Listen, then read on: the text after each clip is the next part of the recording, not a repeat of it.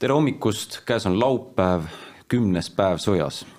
oleme siin taas kord stuudios, minuga on minu hea kolleeg Grete Eesti Ekspressist ja mina olen Joosep Eesti Ekspressist. ma võib-olla tahaks alguses ühte asja öelda, et ma olen kuulnud väga paljudel on juba väsimus Ukraina uudistest, neid tuleb söögi alla, söögi peale mm, ja nii edasi, aga ma tahaks tsiteerida ühte Ukraina ajakirjanikku siin alguses, Ilja Ponomarenkot, kes ütles eile, et kui sa loed ja jagad uudiseid Ukraina kohta, oled sa osa vastupanust. ja ma arvan, et see on väga oluline, sellepärast et no esiteks, see sõda ei ole meelelahutus. me ei pea seda tarbima niimoodi, et me vaatame järgmist kanalit. aga teiseks ma arvan ka seda, et kui me oleme piisavalt informeeritud, me teame, mis päriselt Ukrainas toimub, siis meil on teataval mõttel immuunsus selle vastu, ülge mõla vastu, mis tuleb Moskva Kremlist, mida räägivad Lavrov, mida räägivad Putin see fakt, et kogu maailm näeb, mis toimub Ukrainas, on see, miks infosõjas Venemaa ei ole nii edukas. aga kindlasti te ei ole mind siia vaatama tulnud, et lähme edasi meie külalise juurde, meil on kindral Riho Terras, praegune Europarlamendi saadik külas ja võib-olla läheks kohe viimase uudise juurde. venelased äh, lubasid relvarahu Mariupoli piirkonnas, äh, et tsiviilelanikud välja tuua, mida see nüüd tähendab?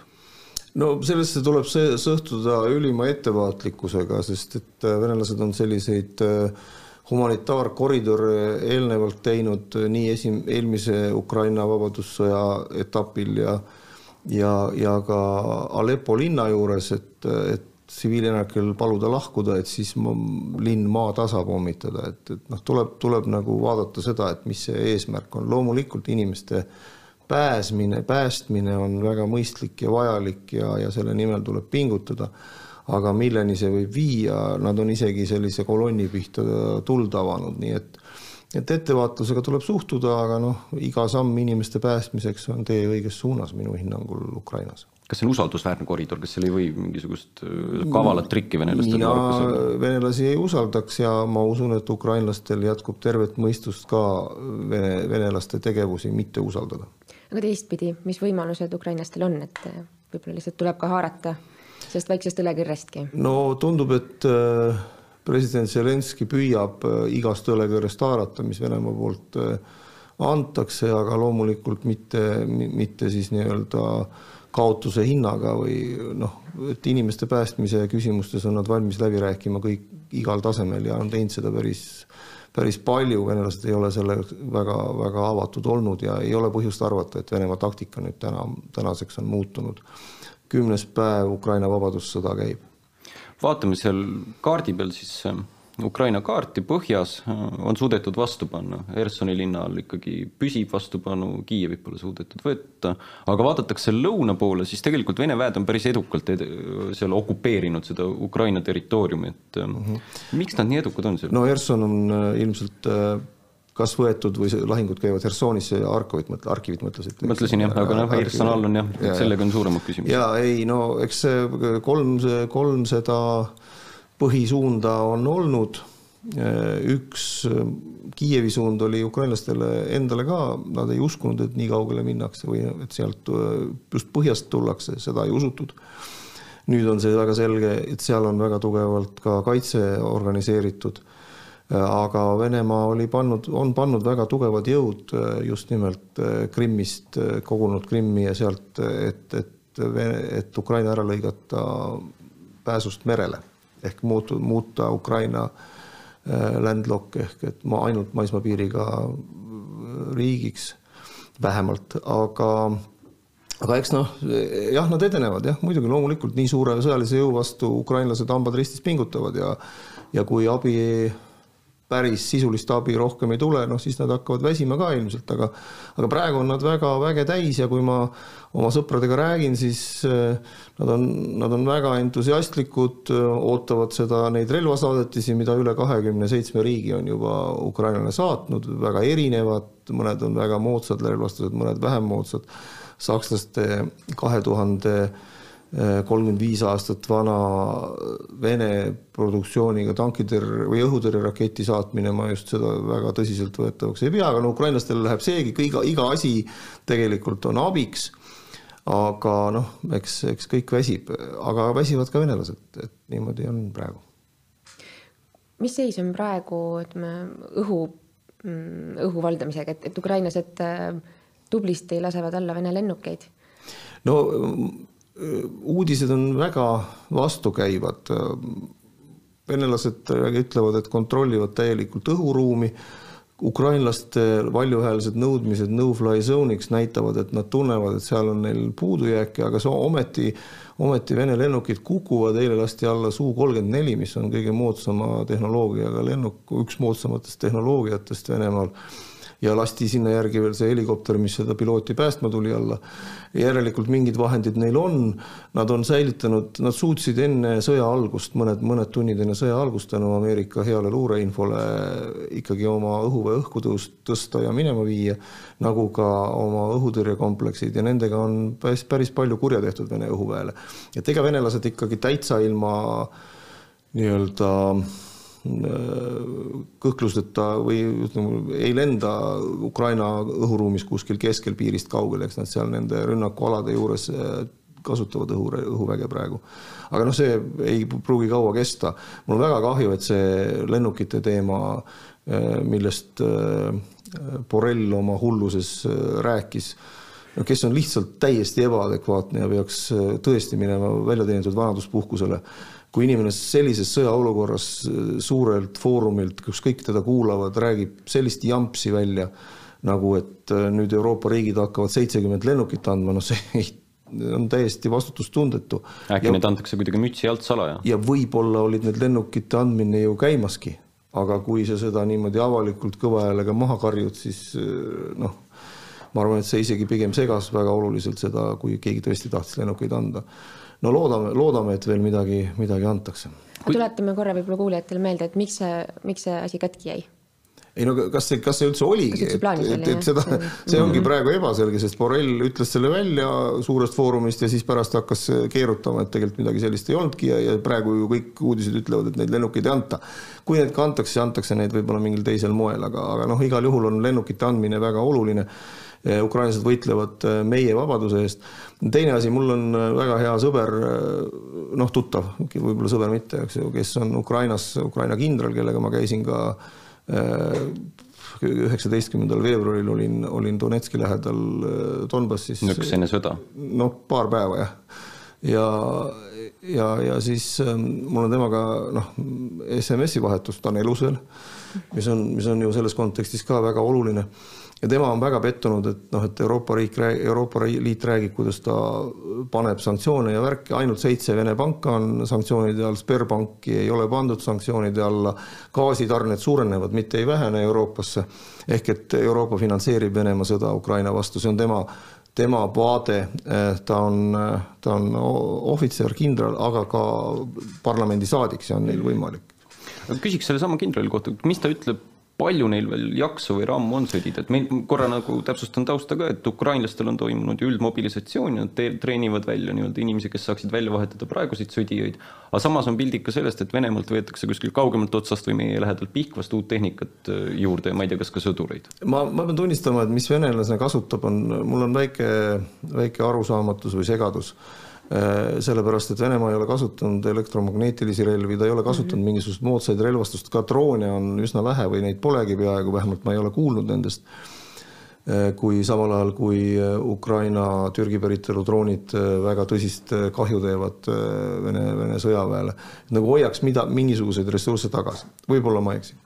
aga, aga ukrainlased on nagu inimväega väga vaim, vaim on valmis, aga ühe üksuse tegemine võtab rohkem aega.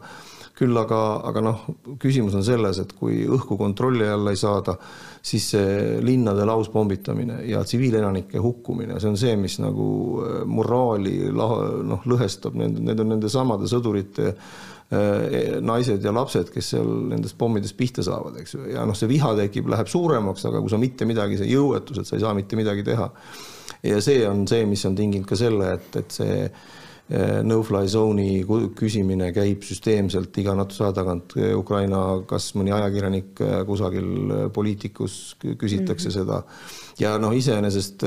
kas see on võimalik, see no-fly sõja, sõja õiguslikult ju Ukraina õhuruum on ukrainlaste oma ja need, nad võivad kutsuvad, kutsuda sinna lendama ükskõik keda, ka, ka Poola või, või Ameerika Ühendriikide lennukeid aga noh, selge on see, et äh, seda Venemaa näeb siis, kui, kui, kui Ameerika Ühendriikide või NATO sõjalisse konflikti astumisena ja, ja see viib selle konflikti järgmisele eskalatsiooni tasemele. kui viib. Eesti no,, Eesti on ka ju siis sõjas ja noh, jah. mitte ma mõtlen nüüd meie pinna ja, konkreetselt, aga. ja noh, eks, eks see seda tähendab ka jah, aga aga noh, põhiliselt on ikkagi see samm on väga-väga tõsine. kas see on samm, mida me peaksime tegema, olema NATO-na nõus sõdima Ukraina eest? Me peaksime sõdima seal, sellepärast et vastasel juhul tuleb see meie õue peale ja ja, ja täna ukrainlased äh, sõdivad väga-väga äh, vapralt äh, Ukraina vabadussõjas praeguse andmetega ja ja noh, need andmed on üsna objektiivsed, kui neid omavahel võrrelda, tähelepanelikult jälgida, ma olen siin paari foorumit, kus neid loetakse. Kümme kuni viisteist tuhat Vene sõdurit on hukkunud iga, iga tuhande või ütleme, tuhande Ukraina sõduri kohta, et see noh, see on nagu niisugune talvesõja, Soome talvesõja su vahe, vahekord, eks ju.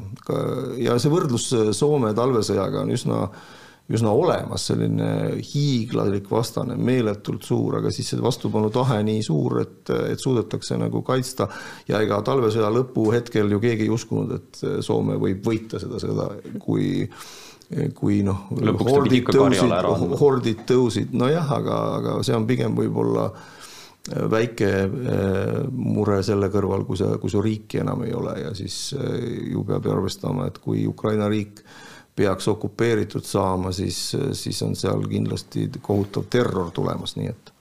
aga mis, mis need riskid ikkagi on, mis praegu takistab näiteks ka ameeriklasi ähm, kasvõi siis äh, õhuruumi tulla kaitsma või appi neile, et tegelikult noh, see ei ole ju väga lihtne otsus ja sellepärast seda ei ole tehtud ja siin on suured riskid ju. no eks ma juures. usun, et üks põhilisi ehk isegi võib-olla ainukene väga suur äh, heidutus on tuumarelv, et, äh, et noh, Venemaal president on noh, praegu käib väga suur arutelu selle üle, kas, kas Putin on hulluks läinud.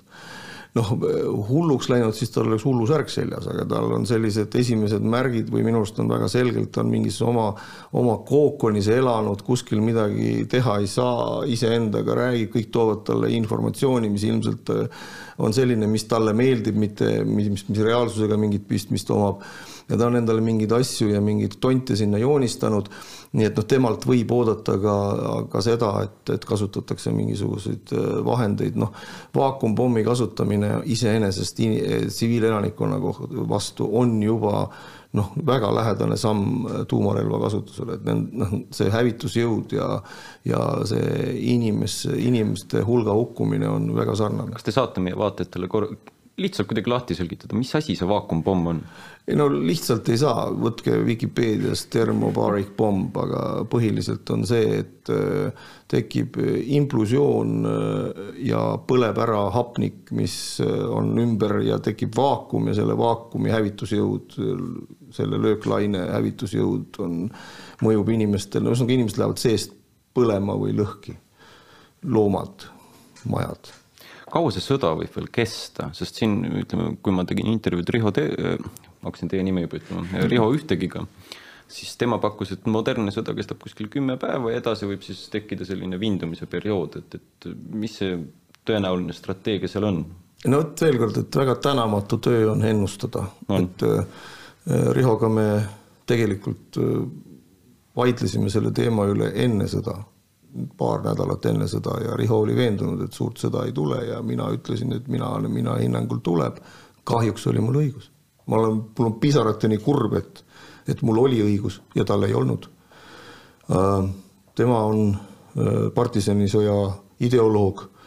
Äh, tema arvab, et see läheb üle partisanisõjaks, partisanisõjaks ta läheb kindlasti, aga kümme, kümnes päev on käes, sõda, konventsionaalne sõda, kõige klassikalisem sõda, selline, nagu me teisest maailmasõjast nägime, käib praegu Ukrainas ja ma ei näe selle lõppu tulemas praegu veel. et äh, kahjuks mingit optimismi ei ole, aga iga päev Ukraina vabadussõda äh, annab meile rohkem aega oma otsuseid teha ja võidab meie jaoks aega. aitäh teile täna hommikul tulemast liiga suure optimismiga me siit ära ei lähe, aga, aga peame vastu koos Ukrainaga ja, ja kohtume ilmselt veel võib-olla siin laua taga. ähm,. eilsest äh, kehtib Venemaal selline seadus, et ajakirjanikud, kes kirjutavad sõjast, sellest raporteerivad, võidakse panna viieteistkümneks aastaks vangi. Äh, sõnavabaduse kruvisid on kinni keeratud seal ennegi väga jõuliselt, nüüd on siis antud, ütleme niimoodi, löödud sisse kirstunael, viimane selle olukorra, me räägime sõnavabadusest peagi ka Liisa Pakostaga, aga selle olukorra ilmestamiseks äh, vaatame seda, kuidas Dosti ajakirjanik räägib viimast korda vaba ajakirjanikuna. Я хочу сказать, что сегодня мы собрались всем коллективом. Кто-то был в офисе, кто-то был в зуме. И принимали решение, что делать дальше. И, конечно, ну, такого тяжелого еще решения в нашей жизни не было. Мы приняли для себя э, решение, что мы временно приостанавливаем работу телеканала. Хочу сказать, слово «временно» очень важное в этом. Нам нужно силы немножко и время, чтобы пере, как бы выдохнуть и понять, как работать дальше. Мы очень надеемся, что мы вернемся в эфир – как, где, на каких платформах, мы пока не знаем, и как это все будет. И продолжим работу, потому что мы знаем, насколько она важна для наших зрителей, нашей аудитории. Я написала себе речь короткую. Я не могу ее сейчас произносить, потому что я сейчас начну опять плакать. А, а плакать я не хочу, потому что мы много чего переживали в этой жизни. Мы справлялись с огромным количеством трудностей. Ну и мы никогда не сдавались. И никогда не сдавались, и мы сейчас не сдаемся. И, и я хочу, чтобы это не наша сдача.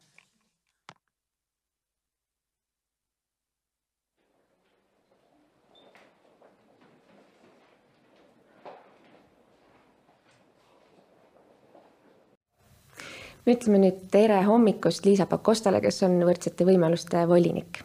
Tere hommikust! aitäh tulemast varajasel kallil laupäeva hommikul Ehm, teema, millest me hakkame rääkima, võib-olla ehmatas avalikkust. see on siis ehm, uudis sellest, et ehm, mingil mä-, mingisugusel viisil sellest sõjast rääkimine võib viia meie inimestega sanktsioonideni, see tähendab siis, et Vene ehk siis agressori poole, poolehoiu näitamine võib seda teha. ole, võtsime selle kokku praegu õigesti? no sinna suunda, meil on tõesti olemas karistusseadustik seal on loetletud äh, need asjad, mida me Eesti ühiskonnas loeme süütegudeks. Ehm, ja seal on terve siis äh, loetelu ka nendest rahuvastastest süütegudest. Ehm, me oleme selles kokku leppinud, et äh, me Eestis tahame elada rahumeelselt, oma riiki loomulikult kaitsta vajadusel, aga et rahu on see ideaal, mis meil on. Ja sõjapropaganda näiteks on tõesti süütegu. Ja tööandjal, ähm, kui äh, tema leiab, et äh, tema töötaja näiteks äh, on sõjapropagandat teinud sellisel moel, et see ettevõttele on kahjulik, et see on ettevõtte väärtustega vastuolus või niimoodi, siis see võib olla õigustatud tõepoolest, et ta selle töösuhte näiteks inimesega lõpetab. aga milline see jutt olema peab sellel mm -hmm. töötajal, siis et aa, Ukraina ise noris tüli ja Venemaa tungis kallale või, või mis, kus see piir jookseb? see, seda piiri tegelikult, äh, see on väga hea, et me sellest räägime, et seda piiri tegelikult õpitakse põhikoolis, äh, kus tehakse vahet siis noh, mis on propaganda, mis on arvamusavaldus, ka sõnavabadus Eestis on absoluutselt väga oluline väärtus, aga see sõnavabaduse piir on äh, väga üksikutes kohtades, mis on siis seadusega reguleeritud ja üks on tõesti see, et sõjapropagandat sa ei tohi sõnavabaduse sildi all teha ja samamoodi need asjad, mis on karistusseadustikus loetletud nende süütegudega, süütegudena, neid ei saa õigustada poliitilise veendumusega, et noh, et ma hakkan hästi lihtsatest näidetest pihta, et et äh, loomulikult võib öelda, et mulle ei meeldi Kaja Kallas. noh, see on sõnavabadusega kaitstud arvamus. aga kui sa ütled, et äh, võtame nüüd siin mehed kokku ja, ja lähme tapame ta ära, no siis see enam ei ole sõnavabadus mm., eks ole, see on lihtsalt, kõik inimesed saavad aru. nüüd lähme edasi, ehm, keegi ütleb näiteks, et noh, mulle ei meeldi äh, eestlased. noh, okei okay., aga kui keegi ütleb, et äh, lähme tapame nad ära või keegi teeb massimõrva näiteks, eks ole, tapab lapsi, vanainimesi ja keegi ütleb, õige, tapku edasi noh, siis see juba ei ole vist okei okay,, eks ole. kui ma ütlen Ukraina sõja puhul õige, venelased tapku edasi, siis ma siis peaks lahti laskma. siis ei pea lahti laskma.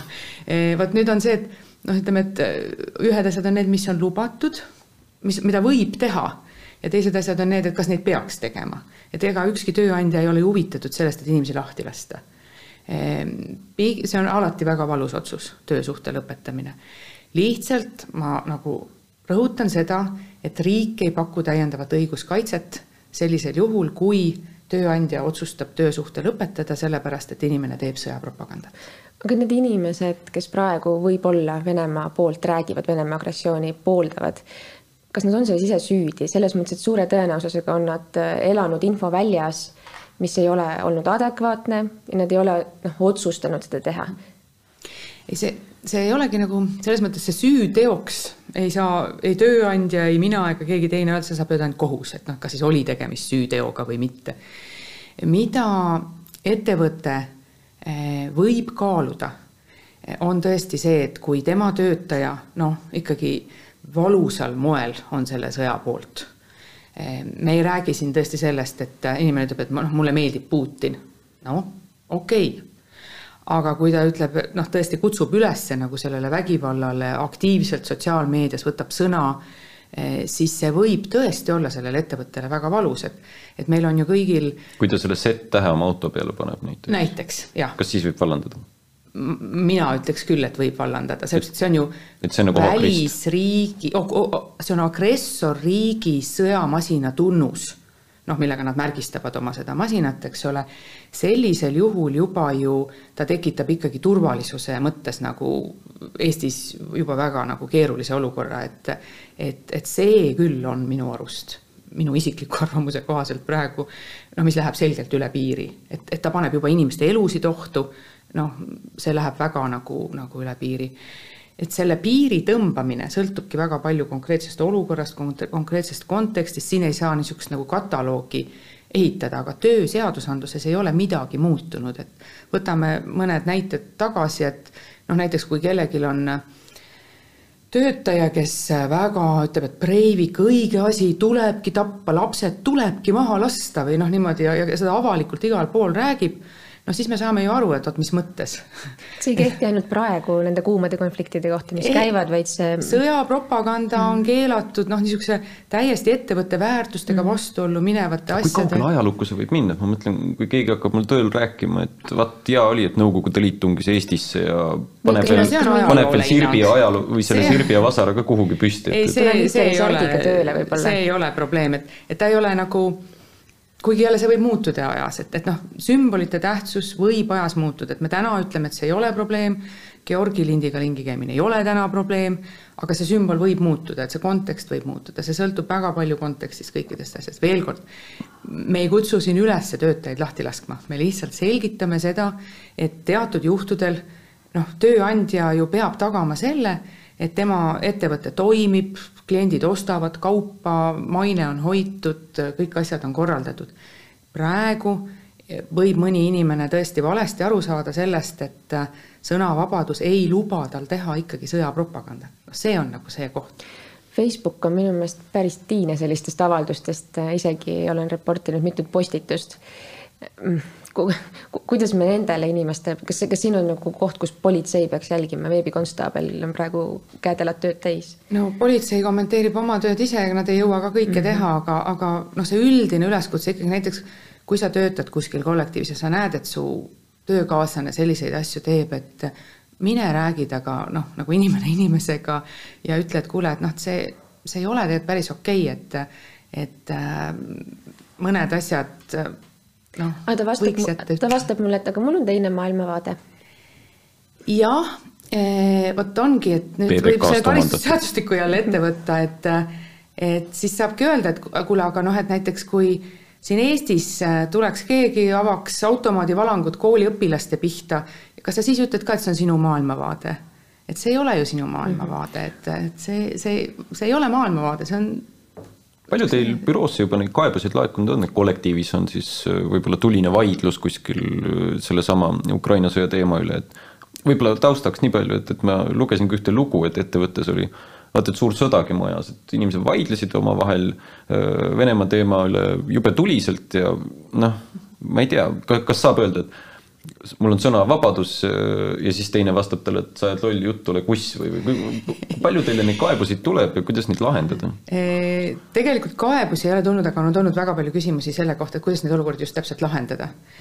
ja, ja siin on tõesti niimoodi, et tööandjal väga paljude muude kohustuste hulgas on tegelikult ka kohustus äh, hoida siis töökollektiivis noh, kiusamisvabana, hoida töökollektiiv kiusamisvabana ja, ja, ja aidata selliseid konflikte lahendada, et see on ka tööandja kohustus kõikide muude asjade hulgas.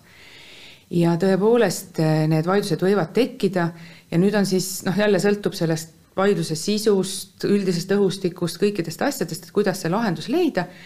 aga igal juhul tuleb tagada seda, et näiteks kedagi ei halvustataks ka tema rahvuse pärast. Et äh, ka teistpidi ei ole õige, et kedagi ei ole õige rünnata sellepärast, et ta on venelane, vene rahvusest näiteks. kas need võivad seguda, seguneda omavahel, et kui sa oled vene rahvusest ja toetad Putinit praeguses sõjas, siis siis see rahvus on ikka jälle täiesti eraldi teema, et see ei puutu üldse asjasse. nüüd jällegi lihtsalt Putini toetamine, noh, jah, mis teha, eks ole, aga see sõjapropaganda hakkab pihta sellest, et kui sa ikkagi aktiivselt õigustad seda, ütled, et seda tuleb edasi teha, me saame tegelikult sellest vahest aru. Et see on seesama vahe, et mulle ei meeldi Kaja Kallas ja, ja lähme noh, umbes tapame ta ära või, või hävitame ta, eks ole, et see, see vahe on selle koha peal. nüüd, äh, mida saab töökollektiivis teha, et äh, suuremates töökollektiivides on lihtne, seal on ettevõtte väärtused kirjas. saab ka öelda, et need on meelde tuletatud, need on meie ettevõtte väärtused, neid ei tohi rikkuda kõik ja nüüd, kui on väike kollektiiv, meil on hästi palju selliseid väikeettevõtteid, eks ole. No seal on tõesti esimene soovitus ikkagi rääkida inimestega või siis nüüd ka panna need ettevõtte väärtused, isegi kui ta on kolme töötajaga ja see üks nendest on ülemus, kaks tükki on omavahel tülis, panna see kirja, need on meie ettevõtte väärtused, neid me hoiame, kuulge, mehed, teeme tööd edasi või ja naised, teeme tööd edasi. aga kui see on teistpidi, et ülemus ajab lolli juttu ja töötajad ei saa sellest kuidagi noh, sotti. ja see on natukene keerulisem lugu, et siis tuleb vaadata, kes on selle ettevõtte omanik ja, ja noh, nii edasi, et, et, et selles mõttes on noh, kui seal tekib konflikt, et näiteks ülemus hakkab vallandama nüüd neid inimesi, kes ütlevad, et see sõda ei ole õige asi no siis on küll sellel töötajal õigus äh, minna päevapealt äh, töövaidluskomisjoni, muidugi on teistpidi ka õigus, et Eestis on, Eesti on õigusriik, meil on kõikidel inimestel õigus minna kohtuni välja oma, oma õiguste kaitseks ja, ja, ja lõpuks ka seda, et kus see täpne piir asub sellel sõjapropagandal, noh, lõpuks otsustab seda kohus.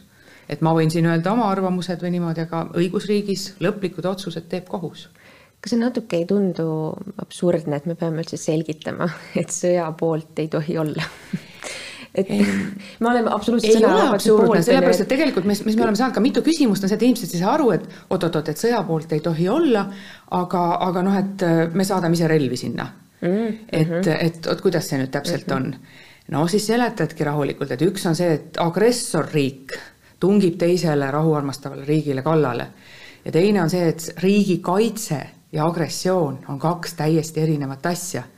Et ähm, noh, ma ei tea, Mahatma Gandhi suur rahu eest kõneleja, eks ole, et, et temagi, temalegi kuulub ju, ju see ütlus, et noh, tõesti, et kui su külla tuleb noh, pidalitõbine koer, kes hakkab teisi ohustama ma ei mäleta, kas see kohe oli pidalitõbine või mis ta täpselt oli. marutaudist Maru,. jah, vist oli marutaudi. et, et kui, et noh, kui, kui tuleb see koer, kes hakkab teisi nakatama või ohustama, siis sa lased ta maha noh, sellepärast et see on, sa pead ennast kaitsma mm., sa pead oma kogukonda kaitsma. riigikaitse ja sõjaline agressioon, mis rikub rahvusvahelist õigust, noh, sõjakuriteod, kõik need, need on kaks täiesti erinevat asja. kui raske on praegu Eestis venelastel?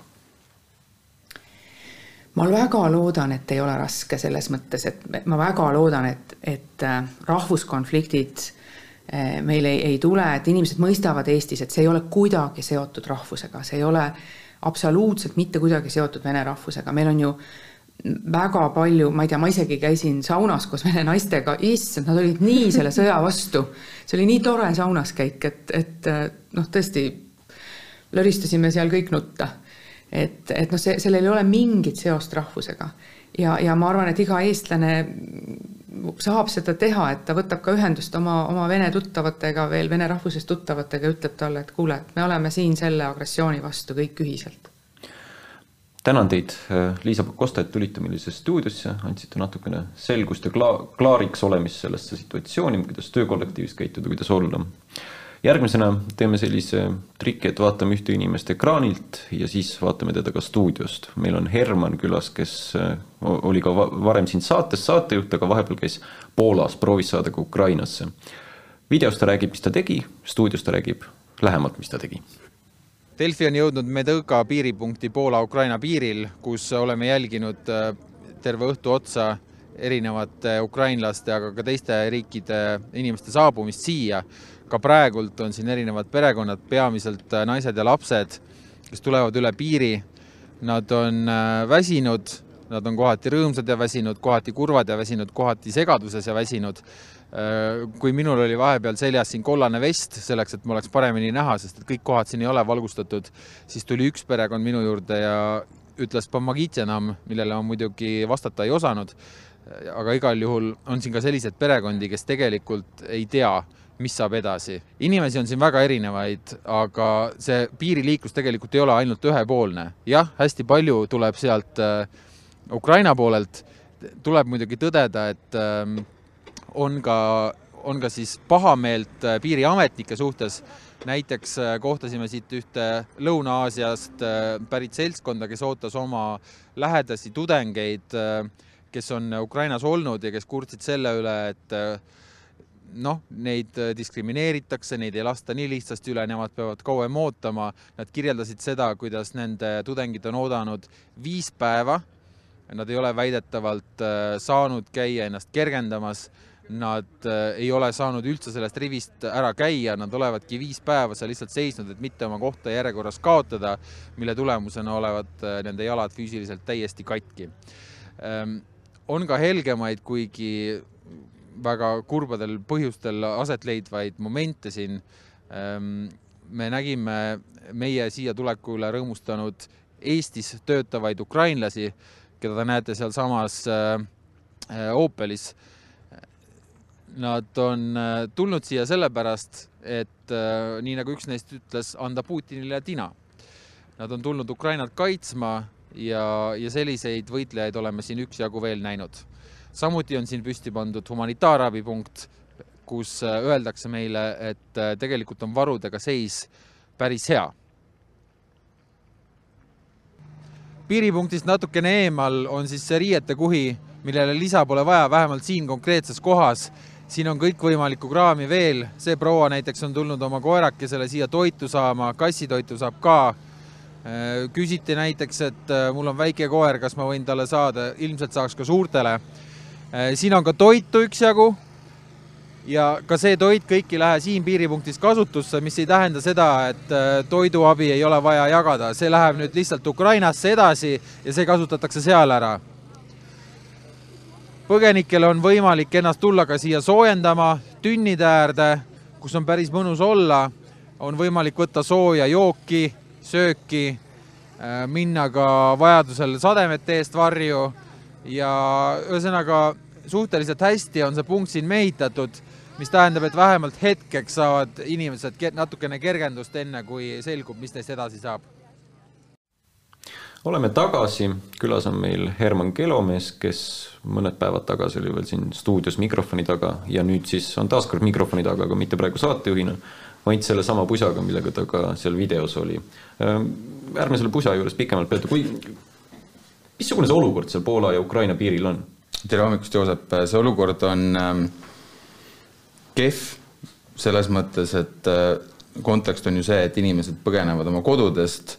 On ainuüksi Ukraina sees sadu kilomeetreid reisinud, juba see on piinarikas. ja väga paljud neist on pidanud väga palju ootama, päevi, neil on jalad kulunud ja villis, nad on äh, alajahtunud, läbi külmunud.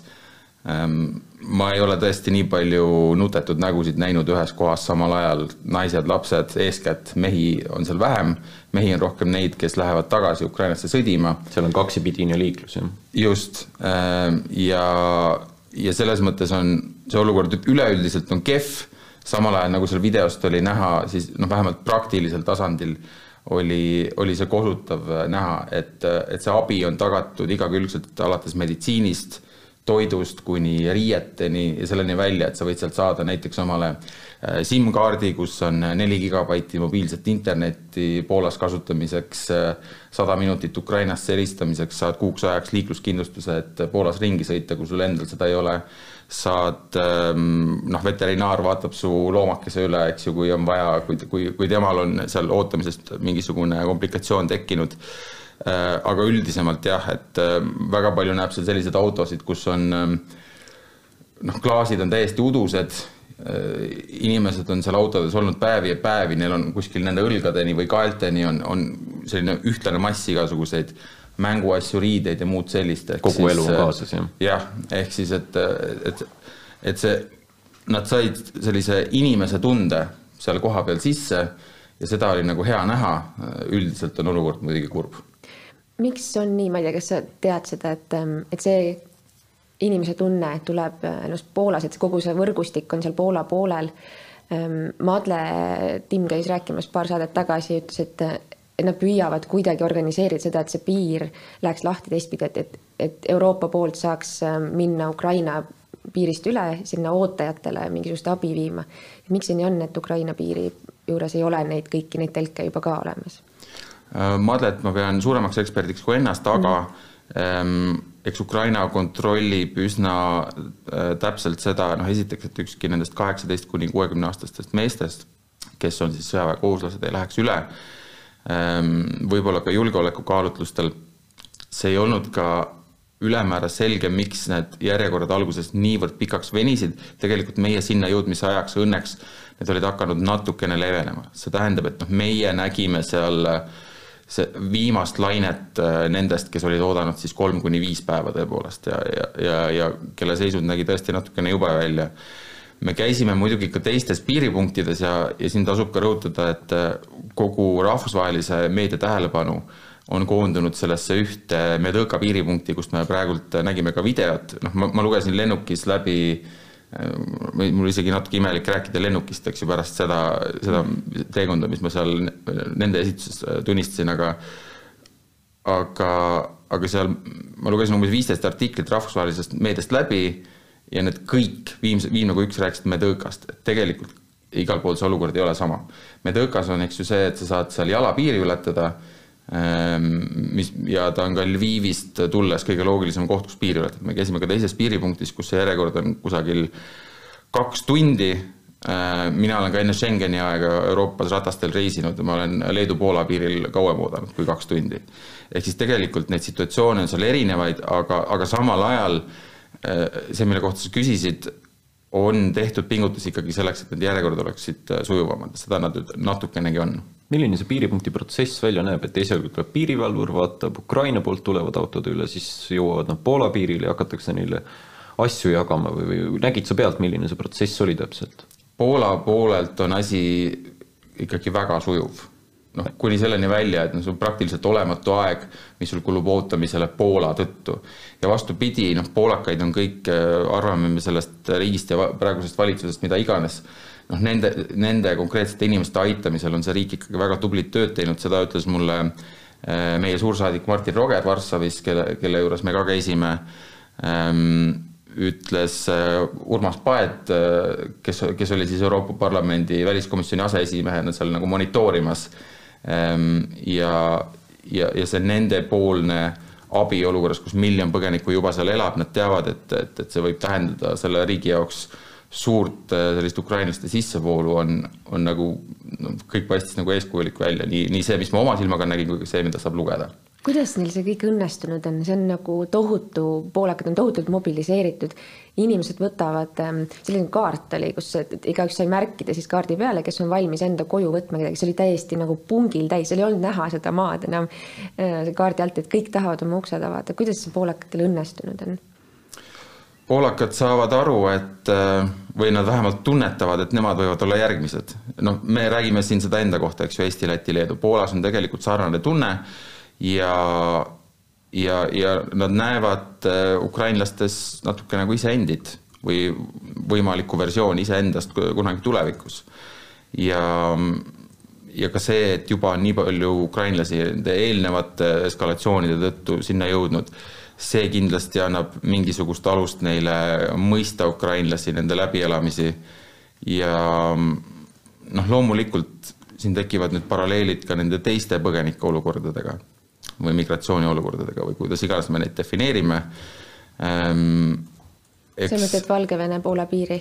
jah, näiteks seda mm et äh, eks, eks selline kaaskannataja rahva äh, õlg-õla tunne on Poolas selgelt olemas, see šokk on niivõrd suur olnud kogu Euroopas, eriti siin, siin meie ida poolel, et, äh, et see emotsioon ja kõik, see on kõik tekitanud lihtsalt sellise tohutu hulgad tahet aidata ja selle najal, kuigi selle, see protsessi algus oli väga kaootiline, on, on tehtud väga head tööd.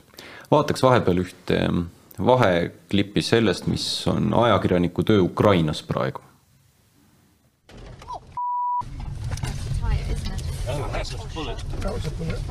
No, it wasn't a bullet. It wasn't. Something blew up under us. Something went bang. Okay.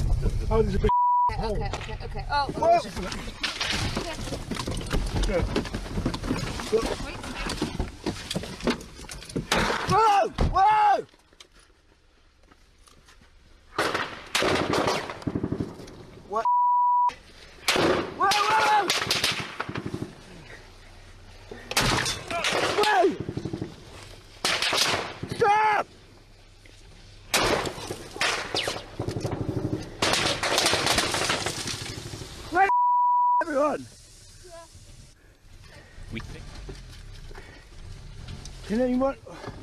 you alright, Stu?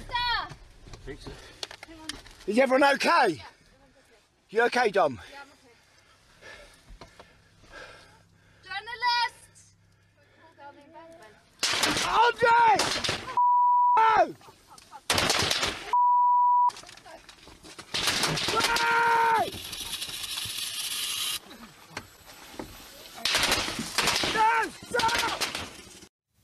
Videos siis said Inglise ajakirjanikud ähm, arvatavasti Vene vägede poolt, kuidas nüüd ilusasti öelda, tegelikult ma ei ütle ilusasti, tina on ju. ja ähm, kaks ajakirjanikku said ka viga, aga kõik õnneks jäid ellu seal. Herman, kas sul oli plaan Ukrainasse ka minna? mul alguses ei olnud plaani Ukrainasse minna ja siis me käigu pealt otsustasime, et võib-olla võtaks selle siiski ette ja kui me hakkame, hakkasime seda planeerima, siis ähm, noh, tekkis erinevaid takistusi, etteruttavalt ütlen, et Ukrainasse ma ei jõudnud ja, ja et selleks, et ajakirjanikul Ukrainasse minna, on vaja ilmselt natuke teistsugust plaani kui see, mis me käigu pealt äh, mõtlesime, igal juhul rendiautot sa ei saa Poolast, selleks, et Ukrainasse sõita. Ehm, kui sa tahad minna liinibussiga, siis äh, sinna saab kindlasti. Äh, on võimalik osta ka edasi-tagasi pilet, aga noh, kas see buss siis ikkagi tuleb tagasi, kas ta on käigus? Ja noh, tegelikult need bussid, mille peale me kaalusime minna siis Žetšovist, äh, sellest linnast, kus me olime, noh, need lõpuks tegelikult ka ei väljunud, nii et ka seda võimalust lõpuks ei olnud, nii et noh, et kui ajakirjanik tahaks minna Ukrainasse, siis äh, ma ei, ma ei usu, et sellel on, seal on muud võimalust, kui mingisuguse Tallinnas oleva enda või ettevõtte autoga siis hakata sõitma ja teha kindlaks, et sul on seal autos siis äh, piisavalt palju kütust, mitte ainult paagis, vaid ka ideaalis kanistriks kaasas toiduvaru, et kui sa peaksid seal viie kuni seitsmepäevases järjekorras olema, et siis sa saaksid vähemalt nagu soojas oodata. ja see kõik on siis eraldiseisev sellest, et kuulikindlat autot oleks vaja. kuulikindlat autot ja kuulikindlat võib-olla väliskesta inimesel ja nii edasi oleks ka vaja välisministeerium, siin on muidugi paslik öelda, et välisministeerium soovitab mitte minna Ukrainasse ja, ja kui keegi on Ukrainas, soovitatakse ära tulla, et kui päris jamaks läheb, ei pruugi Eesti riigil olla võimalik teid aidata.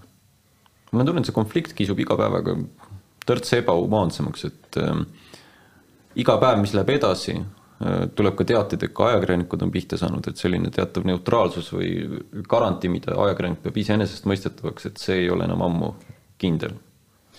Jah, seda ilmselt peab iga ajakirjanik, kes sinna läheb, ka mõistma, et üksjagu Eesti ajakirjanikke seal ka on, ka on, et tervitame neid ja soovime kõike paremat. Ja aga, aga tõepoolest, mul ei ole muidugi päris selge, mida me seal Sky Newsi videos äh, nägime ja, ja ja et kas see on tõesti selline robustne nahaalsus või, või nad pidasid neid vastaseks või, või milles see asi täpselt oli aga, aga selge on see, et noh, ajakirjanik Kiievis või üldse Ukrainas võtab praegult teadliku riski, et, et see ei ole seesama, mis see ei ole seesama, mis käia, ma ei tea, Toompeal poliitikuid küsitlemas.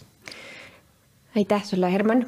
Ehm, veel, kui ajakirjanike poolt rääkida, teeksin statement'i, et, et kui, et Ukraina ajakirjanikke, kes on seal kohapeal ja kes tõesti meile hädavajalikku infot ja seda teevad ülimalt operatiivselt, arvestades kõiki olusid. Teil on võimalik neid toetada, otsige neid annetamise kanaleid ja, ja tehke seda, kui, kui saate. Ehm, me jätkame aga hoopis teemal, mis viimased paar päeva on ka õhus olnud ja need on ehm, tuumajaamade olukord Ukrainas. Європа зараз повинна прокинутися. горить найбільша атомна станція Європи. Прямо зараз російські танки розстрілюють атомні блоки. Це танки обладнані тепловізорами, тобто вони знають, куди стріляють. Вони до цього готувались.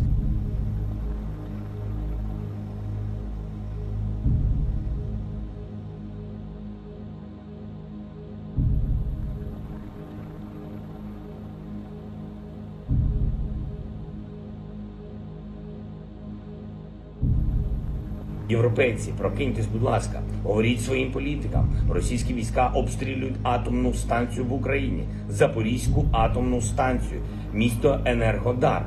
Там шість енергоблоків. Шість в Чорнобилі вибухнув один енергоблок.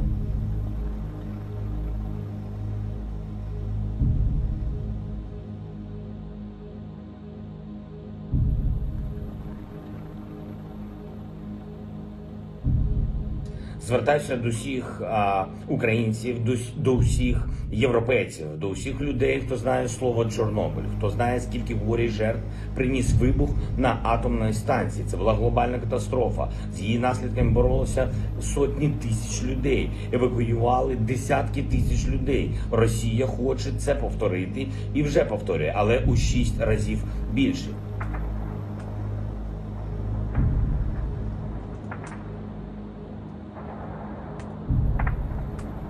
Жодна держава, окрім Росії, ніколи не обстрілювала атомні енергоблоки. Вперше це вперше в нашій історії, в історії людства. Держава-терорист вдалася і до ядерного терору.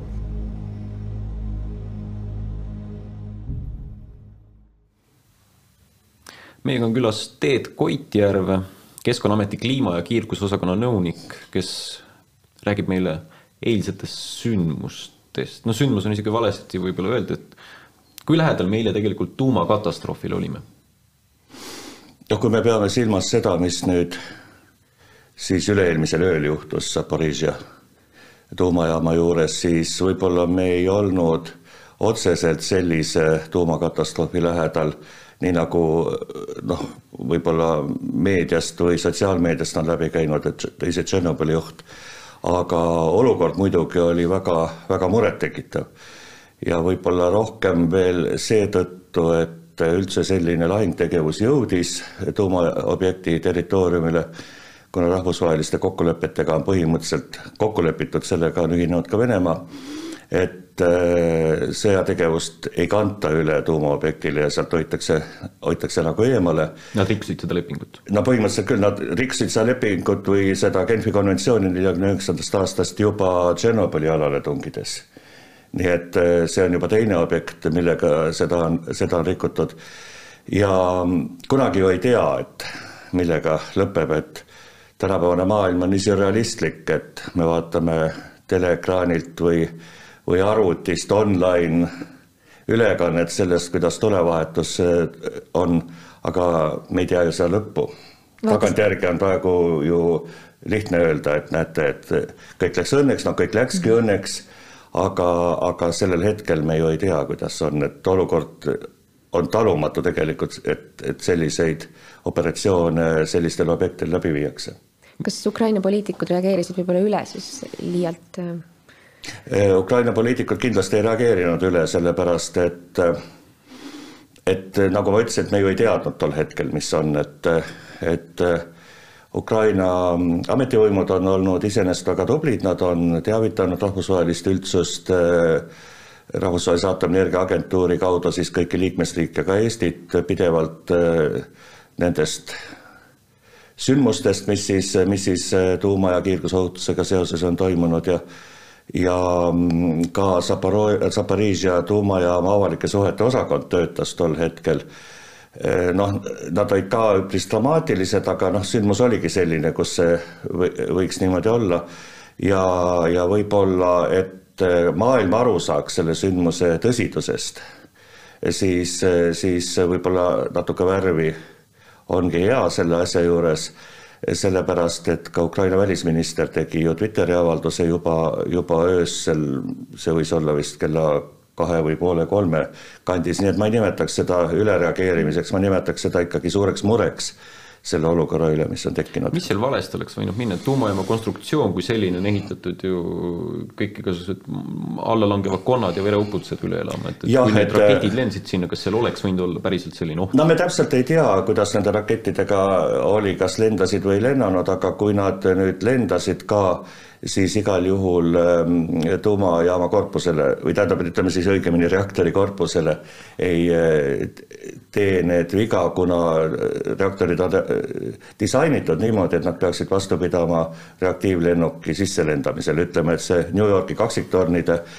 juhtum ei tohiks tekitada probleemi, aga probleem võib ju muudest momentidest tekkida, näiteks kui saab äh, Äh, viga personal, kes seal, kes seal töötab, nad ei suuda täita enam oma ülesandeid selle lahingtegevuse ajal, äh, saab viga elektroonik- või tähendab elektrivarustus, äh, seal on küll varugeneraatorid, nii et selles mõttes ei ole probleemi tuumajaamades reeglina, kui kui ähm, ka elektrivarustus, väline elektrivarustus katkeb, aga, aga noh, sellise sõjategevuse, lahingtegevuse ajal me ju ei tea, et kuidas kõik protseduurid toimivad või või, või saab tabamuse mingit või, või mingit pidi takistatud näiteks seal juhtimiskeskuse äh, tegevus, et, et seal on palju riskikohti. kõik need kõrvalhooned on ka olulised siiski. noh, need kõrvalhooned on olulised, eks ole, et noh hästi, et võib-olla praegu nüüd üks hoone, mis oli see selline koolituskeskus või õppekeskus, et noh, see, see nüüd ei mänginud hetkel küll, küll suurt rolli. aga ega me selle lahingtegevuse ajal täpselt ei tea, mis pihta saab. et meil on praegu on hea öelda, et okei okay,, et sellest eh, kontorihoonest, noh, mis seal ikka, eks ole, kontor on kontor ja, ja ega siis sealt nüüd midagi ei juhtu või siis see, siis see treeningkeskus, aga, aga me ju sel hetkel ju täpselt ei teadnud, mis on Tšernobõli töötajad või seal, neid on vist ligi üheksakümmend, kui ma õigesti mäletan. jah, natuke vist üle üheksakümne. Nad on kümme päeva nüüd seal olnud nii-öelda pantvangis. Ehm, esiteks, mida need inimesed seal teevad ja teiseks, ehm, kui suurt ohtu see tähendab, kui inimesed sealt ei saa puhata vahepeal? no nad täidavad oma igapäevaseid tööülesandeid, et selles mõttes on kõik selge, nad on professionaalid, nad on eh, pikka aega seal töötanud nad teavad, mida nad tegema peavad ja nii edasi, nii edasi. aga loomulikult selline olukord tekitab stressi täiendavat. Eh, eh, ka me ju ei tea täpselt, et milline on see okupantide ja selle vahetuses töötavate inimeste see suhe, et, et millises staatuses nad üldse on, et ega Eh, rahvusvaheline Aatomienergia Agentuur on ju korduvalt üles kutsunud, et et Venemaaga annaks informatsiooni rohkem selle, selle, nende objektide kohta, mille nad on siis okupeerinud, aga aga midagi mõistlikku ei ole sealt tulnud. aga mis et, see risk seal on? keegi vajutab mingit vale nuppu, mis siis juhtub? ei noh, eks see risk on selline, et, et kui inimesed väsivad ja siis võib olla, tekkida vigu ja nii edasi, nii edasi, et võib-olla see Tšernobõlis ei ole nii, nii, nii suur, aga töötava tuumajaama puhul on see risk juba natukene, natukene, natukene suurem. et me tegelikult ju ei kujuta ette, ei mina ega teie siin laua taga, mikrofonid taga, et, et mida need inimesed seal tunnevad ja kuidas nad, kuidas nad tegelikult seda kõike, kõike üle elavad, aga aga põhimõtteliselt siis Ukraina tuumaregulaatoril, see on siis see asutus, kes korraldab kõike, milleks on siis Ukraina riiklik tuumainspektsioon, et neil on mingisugune kontakt ja side olemas ka Tšernobõli töötajatega ja, ja noh, Zaporožje, Zaporižja teema on nüüd nüüd, nüüd nii uus, seal on ka väga aktiivne linnapea, kes, kes postitas sotsiaalmeediasse Eh, olukorrast ülevaateid, et, et, et, et sealt me saame tegelikult veel praegu küll iga, iga, igapäevaselt informatsiooni. no seal alguses tuli terve selle väikse tuumajaama linnaks siin Ergotar või mis ta nimi oli mm, -hmm. kogu see rahvas tuli välja. esimese ja. sellise ja. sisenemise tegelikult nad ju lükkasid tagasi nii-öelda. jaa, nad, nad tegelikult suutsid seal vastu pidada ju mitu päeva lausa mm, -hmm. kus olid need kontrollpostid või noh, blokkpostid vene keeles äh, ja eile oli ka selliseid videosid, kus siis oli näha, kuidas siis nendest on üle sõidetud, et et, et seal on väga aktiivsed kodanikud, tegelikult see ongi ju linn, mis on ehitatud. inimestest olid Vene väed üle sõitnud? ei, ei siis nendest tõketest, mis mm. olid, jah. kuna sinna kuhjati autosid ja kõike muud, et, et jah, et, et ei saadaks sisse et tegelikult see on ju selline energeetikute linn, et see linn ongi ehitatud ju koos tuumajaamaga ja seal on siis sisuliselt ongi kõik tuumajaamaga seotud inimesed elavad või noh, kes on seal töötanud juba pensionile jäänud. palju Ukrainas üldse on neid tuumajaamu, mitu korda meil tuleb veel südant kinni hoida, et järgmine tuumakatastroof ei juhtuks? no tuumajaam on neli pluss üks, et see neli töötavat ja siis üks on see Tšernobõl, mis ei, mis ei tööta ja nüüd äh, kaks nendest ongi siis seal lõuna pool ja kaks on sisuliselt Lääne-Ukrainas mm. -hmm. et sinna äh, noh, nüüd praegu täna hommikustes uudistes on jah, et, et äh, suhteliselt lähedal on ka sellele teisele siis Lõuna-Ukraina aatomilektrijaamale, see ongi see ametlik nimi Äh, Vene väed, aga see suhteliselt lähedal on siiski kümned kilomeetrid, et aga, aga nüüd siis kaks siis Rivne ja Melnõtskõi on siis päris, päris, päris Lääne-Ukrainas, et seal läheduses praegu mitte mingitki vaenutegevust ei ole, et nad on sealt Lvovist põhjas on siis see Rivni linn. ma ei tahaks siin inimesi muidugi nagu ülemäära mur-, muresse ajada, aga et lihtsalt mõista seda mastaapi, et mis juhtuks, kui üks nendest tuumaelektrijaamadest päriselt noh, nii nagu ma ütlesin, et sellist Tšernobõli tüüpi õnnetust ei saaks tegelikult juhtuda. Et see on juba tingitud siis nende reaktorite teistsugusest konstruktsioonist, et, et seda reaktori perekonda, mis nüüd teistes tuumajaamades on peale siis selle Tšernobõli, Tšernobõlis oli täiesti omaette tüüp, VVR, et selle perekonna reaktoreid on ehitatud väga paljudes maailma kohtades, et seitsme, kaheksakümnendatest aastatest on iseenesest need äh, Ukraina tuumajaamad, mis töötavad, ähm, aga praegugi ehitatakse selle perekonna tuumajaama näiteks Türki ja Bangladeshi ja nii et see on igatepidi noh, nagu ka turvasüsteemide mõttes läbi katsetatud äh, disain. jah, see on Venemaa tehnoloogia ja nii edasi, aga aga see ei muuda nüüd, nüüd olukorda nagu, nagu, nagu ebaturvalisemaks. tuumakatastroofi ohtu ei ole? nii et sellist tuumakatastroofi ohtu meie nüüd oma stsenaariumides, no nagu Tšernobõli ajal eh, on, no mitte mingil juhul ei näe.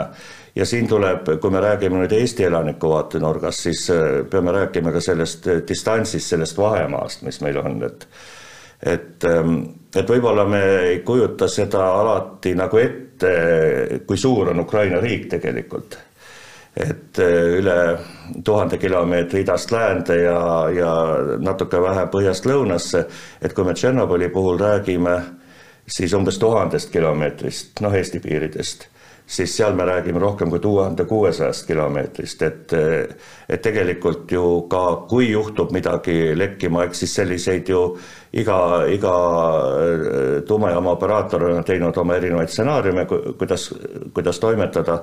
kui midagi, midagi, midagi juhtub, siis, siis kaugus on kindlasti üks oluline, oluline, oluline moment, et et äh, kindlasti oleks see probleem seal kohapeal ma julgeks väita, et see oleks probleem kogu Ukraina jaoks, pigem nüüd kogu Ukraina jaoks on võib-olla probleem see, see ebakindlus, mis nüüd tekib, kui, kui, kui riik ei kontrolli, eks ole, kõiki oma energiaressursse, kuna kuna Ukraina riik on ju praegu ka toiminud nagu saarena energeetilises mõttes, ta on lahti ühendatud Valgevene ja Vene elektrisüsteemist aga täielikult ei ole ühendatud veel Mandri-Euroopa elektrisüsteemiga, siis Euroopa Liidu elektrisüsteemiga. ja, ja me rää-, me räägime nagu palju tuumajaamadest, aga tegelikult on väga palju erinevaid elektrijaamu ja pihta on saanud ka soojuselektrijaamу ja, ja vot tegelikult see olukord sõltub siis sellest üldisest bilansist, et kui palju mis käsi töötab ja kui palju mis käsi mm. ei tööta, et et elektrienergiaga varustatus on kindlasti oluline, aga see ei sõltu ainult tuumajaamadest, et kaks tuhat üheksateist oli umbes kakskümmend kaks protsenti energiabilansist andsid tuumajaamad ja ülejäänud tuli siis söe ja muudest jaamadest. eks see ärevus, mis on Ukrainas, on mõnevõrra sa sama ju ka Eestis, et, et see Tšernobõli mõju meil siin oli tunda, mis vist ongi pannud inimesed ostma jooditablette. jah, no räägime ärevus... selle ka ära, et kas, kas on üldse vaja osta? ärevus ei ole ainult Eestis, ärevus on ka mujal, ärevus on ka Soomes, ärevus on üle, üle, üle maailma mm. -hmm aga no siin võib üheselt kohe öelda, et jooditablette osta ei ole, ei ole vaja ja joodi üleliigne krõbistamine oleks isegi tervisele, tervisele, tervisele ohtlik. et meil on levinud nagu arusaam, et jood on nagu äh, kiirguse vastu universaalne vahend. tegelikult see nii ei ole, et jood seondub ühe uraani isotoobiga või joodi, radioaktiivse joodi isotoobiga, mis vallandub küll jah äh, tuuma, tuumajaamade mm, kriiside või õnnetuste ajal, aga, aga, aga arvestades neid vahemaid ja, ja ja valdavaid tuulesuundi ja kõiki, et, et sellistes, sellises olukorras nagu Eesti ei ole kindlasti vaja joodi süüa, et tegelikult kui me räägime nüüd tuumajaama ohutusnõuetest, siis, siis joodi profülaktika on viie kuni kümne kilomeetri raadiuses tuumajaamast mm. -hmm. et sellepärast, et siin ei ole mingit, mingit pointi jah, et, et kui me räägime näiteks ka, vaatame, kuidas soomlased teada annavad nendest jooditablettidest ja nii edasi, siis me peame, ei tohi unustada, et Soome on tuumaenergia tootev riik, et, et seal ongi tuumajaamade läheduses teatud, teatud joodi joodi profülaktika nagu ette nähtud, et, et meil ei ole selliseid objekte selliste vahemaade järel ei, ei ole mitte mingit, mitte mingit, mitte mingit vajadust. meie saateaeg on tänaseks otsa saanud, suur tänu teile, äh, Teet Koitjärv, tulemast ja selgitamast neid asju, loodame, et pisut vähemalt selles valdkonnas ärevust on äh, alla võetud ma tänan ka vaatajaid, kuulajaid, kes meid pärast podcast'ist järgi kuulavad. Joosep, aitäh sulle ka. mõneks päevaks võtan puhkuse, olen kolmapäeval tagasi. ja minuga kohtute taas esmaspäeval rahulikku nädalavahetust